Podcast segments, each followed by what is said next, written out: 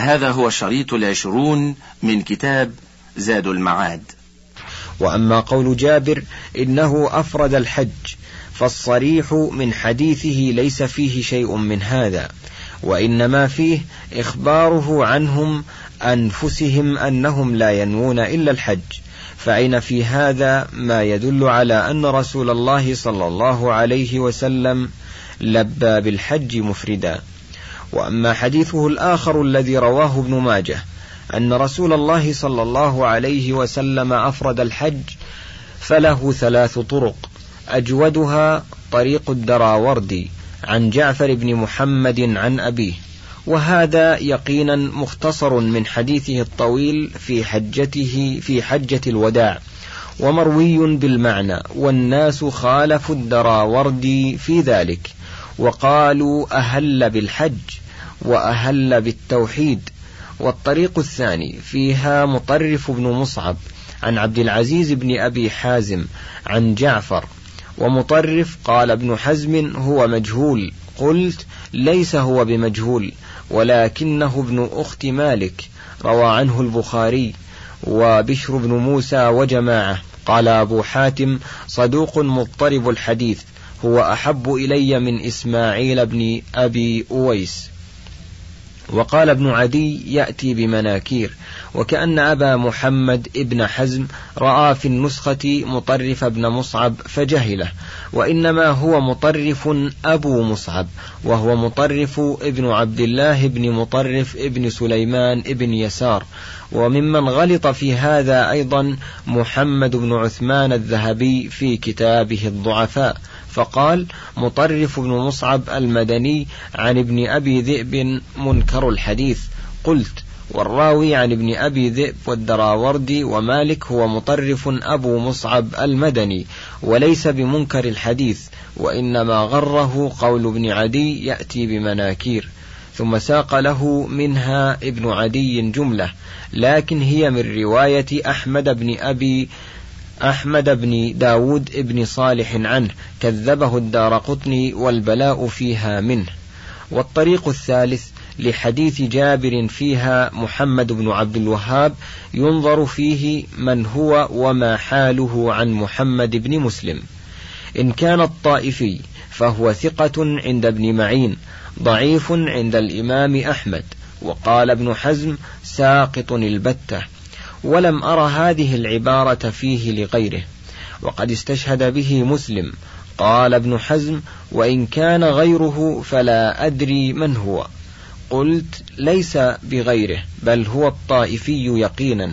وبكل حال فلو صح هذا عن جابر لكان حكمه حكم المروي عن عائشة وابن عمر. وسائر الرواة الثقات إنما قالوا أهل بالحج فلعل هؤلاء حملوه على المعنى وقالوا أفرد الحج. ومعلوم أن العمرة إذا دخلت في الحج فمن قال أهل بالحج لا يناقض من قال أهل بهما بل هذا فصل وذاك أجمل. ومن قال أفرد الحج يحتمل ما ذكرنا من الوجوه الثلاثة. ولكن هل قال أحد قط عنه؟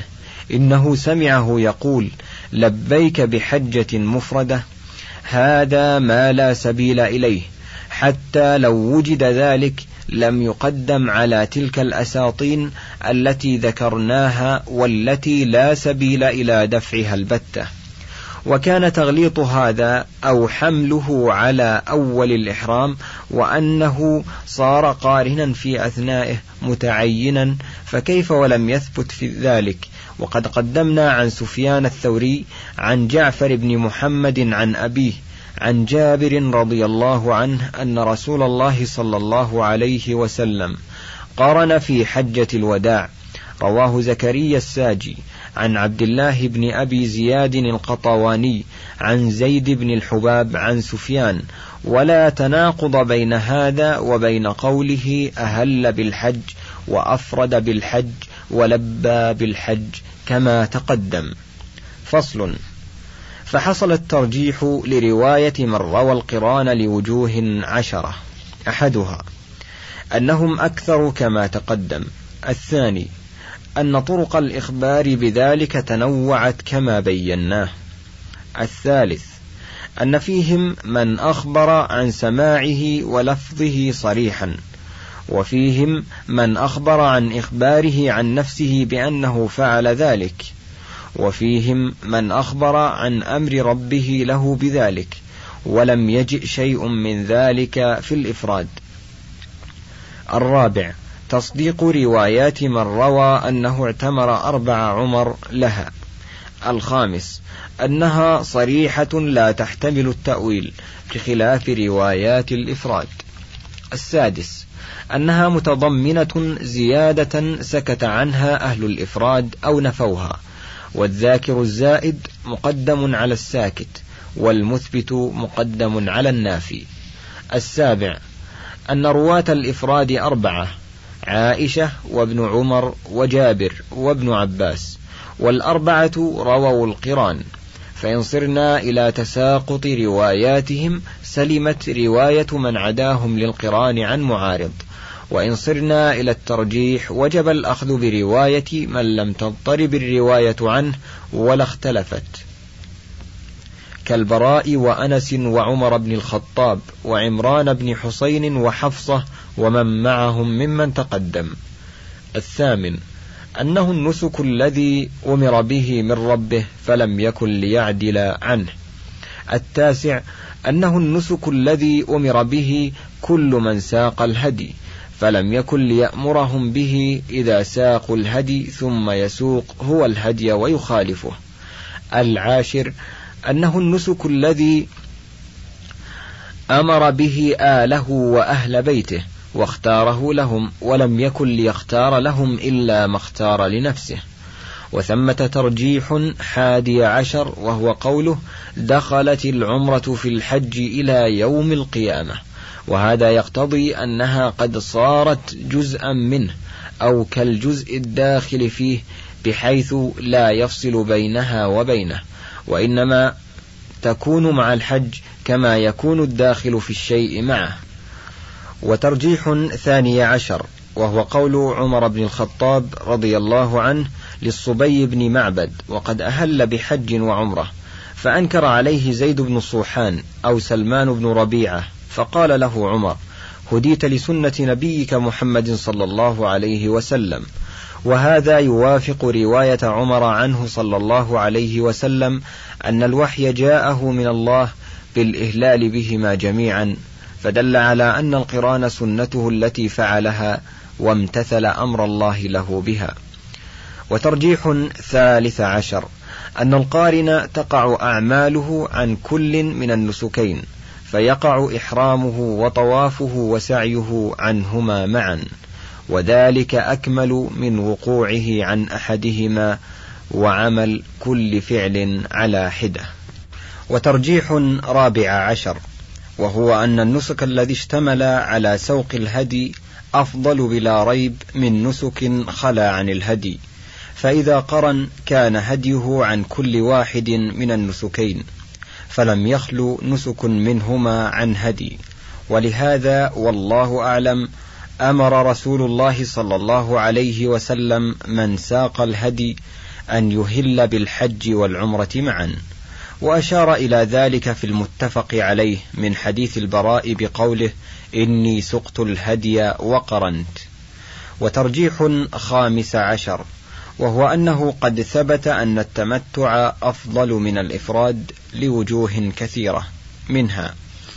أنه صلى الله عليه وسلم أمرهم بفسخ الحج إليه ومحال أن ينقلهم من الفاضل إلى المفضول الذي هو دونه ومنها أنه تأسف على كونه لم يفعله بقوله لو استقبلت من أمري ما استدبرت لما سقت الهدي ولجعلتها عمرة ومنها أنه أمر به كل من لم يسق الهدي ومنها أن الحج الذي استقر عليه فعله وفعل أصحابه القران لمن ساق الهدي والتمتع لمن لم يسق الهدي ولوجوه كثيرة غير هذه. والمتمتع إذا ساق الهدي فهو أفضل من متمتع اشتراه من مكة. بل في أحد القولين لا هدي إلا ما جمع فيه بين الحل والحرم. فإذا ثبت هذا فالقارن السائق أفضل من متمتع لم يسق ومن متمتع ساق الهدي لأنه قد ساق من حين أحرم. والمتمتع إنما يسوق الهدي من أدنى الحل فكيف يجعل مفرد لم يسق هديا أفضل من متمتع ساقه من أدنى الحل؟ فكيف إذا جعل أفضل من قارن ساقه من الميقات وهذا بحمد الله واضح. فصل وأما قول من قال إنه حج متمتعا تمتعا حل فيه من إحرامه ثم أحرم يوم التروية بالحج مع سوق الهدي. فعذره ما تقدم من حديث معاوية أنه قصر عن رسول الله صلى الله عليه وسلم بمشقص في العشر وفي لفظ وذلك في حجته. وهذا مما أنكره الناس على معاوية وغلطوه فيه. وأصابه فيه ما أصاب ابن عمر في قوله إنه اعتمر في رجب.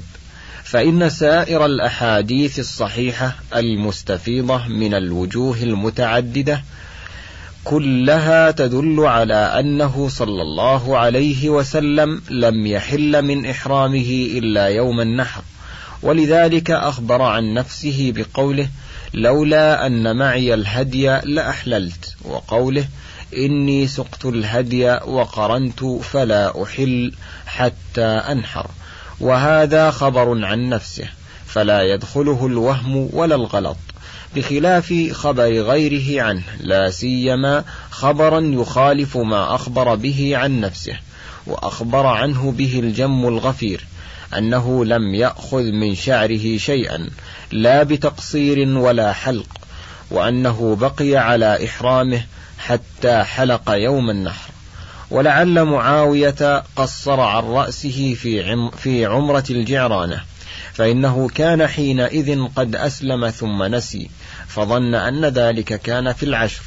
كما نسي ابن عمر أن عمره كانت كلها في ذي القعدة. وقال كانت إحداهن في رجب وقد كان معه فيها والوهم جائز على من سوى الرسول صلى الله عليه وسلم فإذا قام الدليل عليه صار واجبا. وقد قيل إن معاوية لعله قصر عن رأسه بقية شعر لم يكن استوفاه الحلاق يوم النحر فأخذه معاوية على المروة ذكره أبو محمد ابن حزم وهذا أيضا من وهمه فإن الحلاق لا يبقي غلطا شعرا يقصر منه ثم يبقي منه بعد التقصير بقية يوم النحر. وقد قسم شعر رأسه بين الصحابة فأصاب أبا طلحة أحد الشقين وبقية الصحابة اقتسموا الشق الآخر. الشعرة والشعرتين والشعرات وأيضا فإنه لم يسع بين الصفا والمروة إلا سعيا واحدا وهو سعيه الأول. لم يسع عقب طواف الإفاضة ولا اعتمر بعد الحج قطعا فهذا وهم محض. وقيل هذا الإسناد إلى معاوية وقع فيه غلط وخطأ.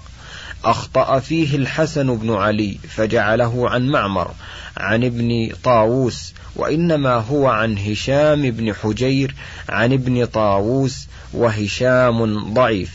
قلت والحديث الذي في البخاري عن معاوية قصرت عن رسول الله عن رأس رسول الله صلى الله عليه وسلم بمشقص على المروة وليس في الصحيحين غير ذلك.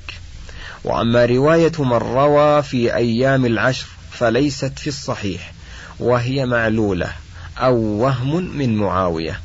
قال قيس بن سعد راويها عن عطاء عن ابن عباس عنه والناس ينكرون هذا على معاوية. وصدق قيس فنحن نحلف بالله إن هذا ما كان في العشر قط.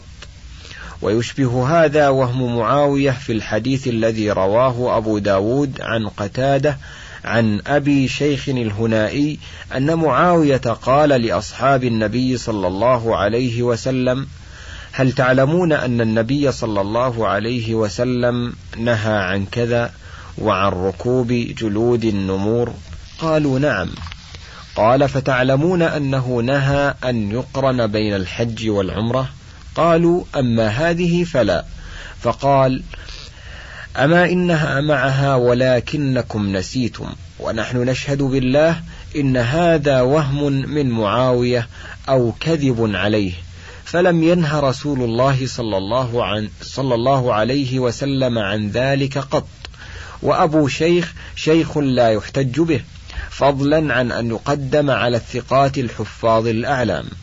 وإن روى عنه قتادة ويحيى بن أبي كثير واسمه خيوان بن خلدة بالخاء المعجمة وهو مجهول. فصل وأما من قال حج متمتعا تمتعا لم يحل منه لأجل سوق الهدي كما قاله صاحب المغني وطائفة. فعذرهم قول عائشة وابن عمر تمتع رسول الله صلى الله عليه وسلم. وقول حفصة ما شأن الناس حلوا ولم تحل من عمرتك. وقول سعد في المتعة قد صنعها رسول الله صلى الله عليه وسلم وصنعناها معه. وقول ابن عمر لمن سأله عن متعة الحج هي حلال. فقال له السائل إن أباك قد نهى عنها. فقال أرأيت إن كان أبي نهى عنها. وصنعها رسول الله صلى الله عليه وآله وسلم. أأمر أبي تتبع أم أمر رسول الله صلى الله عليه وآله وسلم؟ فقال الرجل بل أمر رسول الله صلى الله عليه وآله وسلم. فقال لقد صنعها رسول الله صلى الله عليه وسلم. قال هؤلاء ولولا الهدي لحل كما يحل المتمتع الذي لا هدي معه. ولهذا قال لولا أن معي الهدي لأحللت. فأخبر أن المانع له من الحل سوق الهدي. والقارن إنما يمنعه من الحل القران لا الهدي. وأرباب هذا القول قد يسمون هذا المتمتع قارنا لكونه أحرم بالحج قبل التحلل من العمرة. ولكن القران المعروف أن يحرم بهما جميعا أو يحرم بالعمرة ثم يدخل عليها الحج قبل الطواف. والفرق بين القارن والمتمتع السائق من وجهين أحدهما. من الإحرام فإن القارن هو الذي يحرم بالحج قبل الطواف إما في ابتداء الإحرام أو في أثنائه. والثاني أن القارن ليس عليه إلا سعي واحد فإن أتى به أولا وإلا سعى عقيب طواف الإفاضة والمتمتع عليه سعي ثان عند الجمهور. وعن أحمد رواية أخرى أنه يكفيه سعي واحد كالقارن والنبي صلى الله عليه وسلم لم يسع سعيا ثانيا عقيب طواف الإفاضة.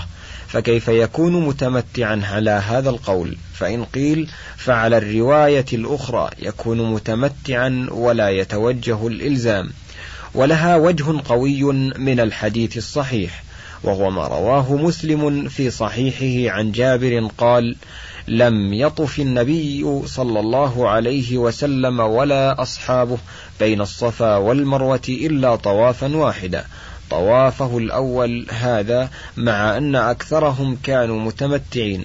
وقد روى سفيان الثوري عن سلمة بن كهيل قال حلف طاووس ما طاف أحد من أصحاب رسول الله صلى الله عليه وآله وسلم لحجه وعمرته إلا طوافا واحدا. قيل الذين نظروا أنه كان متمتعا تمتعا خاصا لا يقولون بهذا القول بل يوجبون عليه سعيين والمعلوم من سنته صلى الله عليه وآله وسلم أنه لم يسعى إلا سعيا واحدا كما ثبت في الصحيح عن ابن عمر أنه قارن وقدم مكة فطاف بالبيت وبالصفا والمروة ولم يزد على ذلك ولم يحلق ولا قصر ولا حل من شيء حرم منه حتى كان يوم النحر. فنحر وحلق رأسه ورأى أنه قد قضى طواف الحج والعمرة بطوافه الأول وقال هكذا فعل رسول الله صلى الله عليه وآله وسلم ومراده بطوافه الأول الذي قضى به حجه وعمرته الطواف بين الصفا والمروة بلا ريب. وذكر الدار قطني عن عطاء ونافع عن ابن عمر وجابر أن النبي صلى الله عليه وسلم إنما طاف لحجه وعمرته طوافا واحدا وسعى سعيا واحدا ثم قدم مكة فلم يسع بينهما بعد الصدر فهذا يدل على أحد أمرين ولا بد إما أن يكون قارنا وهو الذي لا يمكن من أوجب على المتمتع سعيين أن يقول غيره. وإما أن يكون المتمتع يكفيه سعي واحد ولكن الأحاديث التي تقدمت في بيان أنه كان قارنا صريحة في ذلك فلا يعدل عنها. فإن قيل فقد روى شعبة عن حميد بن هلال عن مطرف عن عمران بن حسين أن النبي صلى الله عليه وآله وسلم طاف طوافين وسعى سعيين. رواه الدار قطني عن ابن صاعد.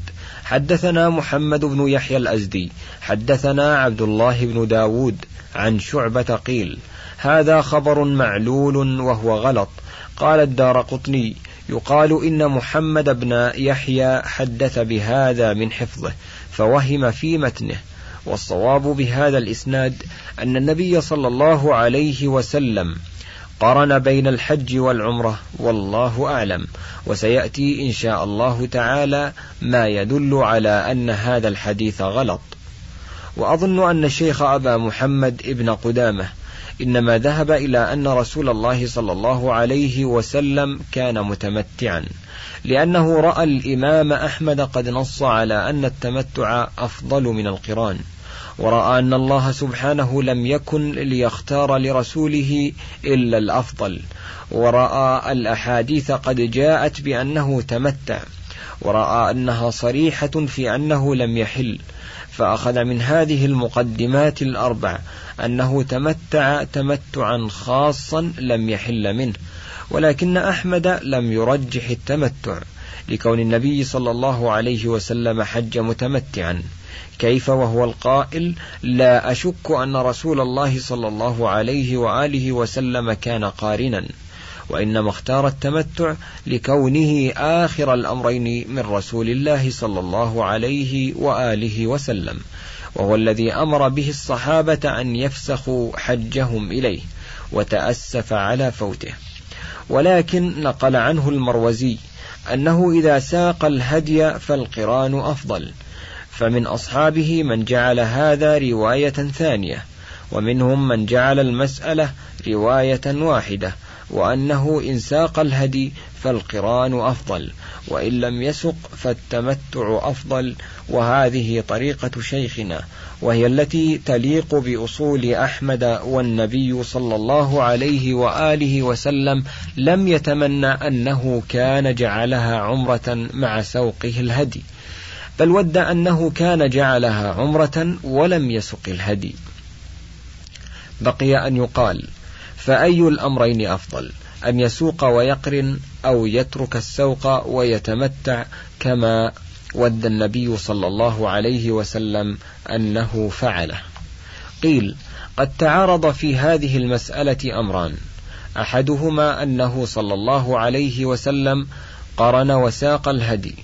ولم يكن الله سبحانه ليختار له إلا أفضل الأمور ولا سيما وقد جاءه الوحي به من ربه تعالى وخير الهدي هديه صلى الله عليه وسلم. والثاني قوله لو استقبلت من أمري ما استدبرت لما سقت الهدي ولجعلتها عمرة.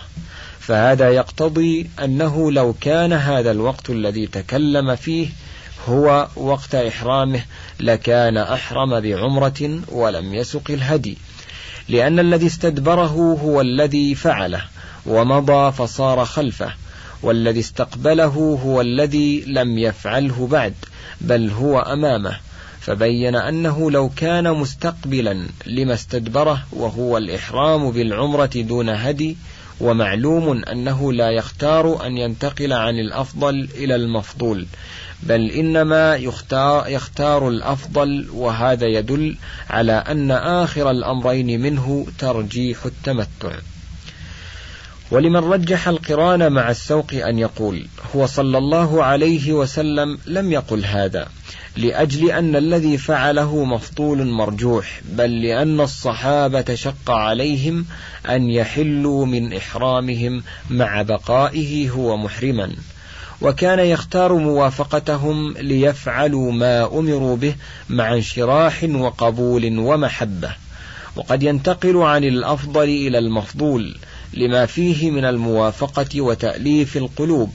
كما قال لعائشة لولا أن قومك حديثو عهد بجاهلية لنقضت الكعبة وجعلت لها بابين. فهذا ترك ما هو الأولى لأجل الموافقة والتأليف. فصار هذا هو الأولى في هذه الحال. فكذلك اختياره للمتعة بلا هدي.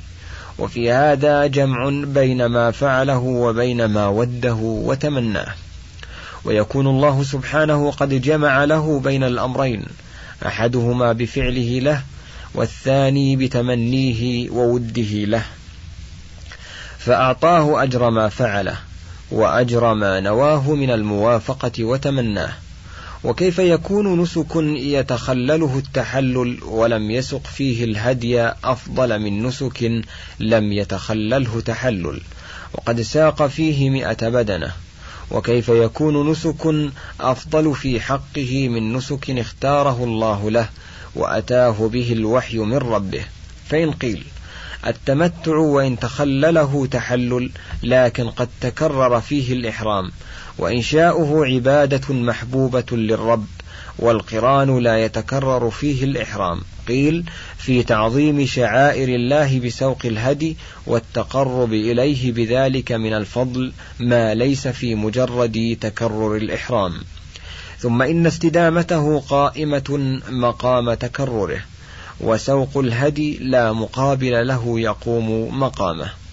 فإن قيل فأيهما أفضل؟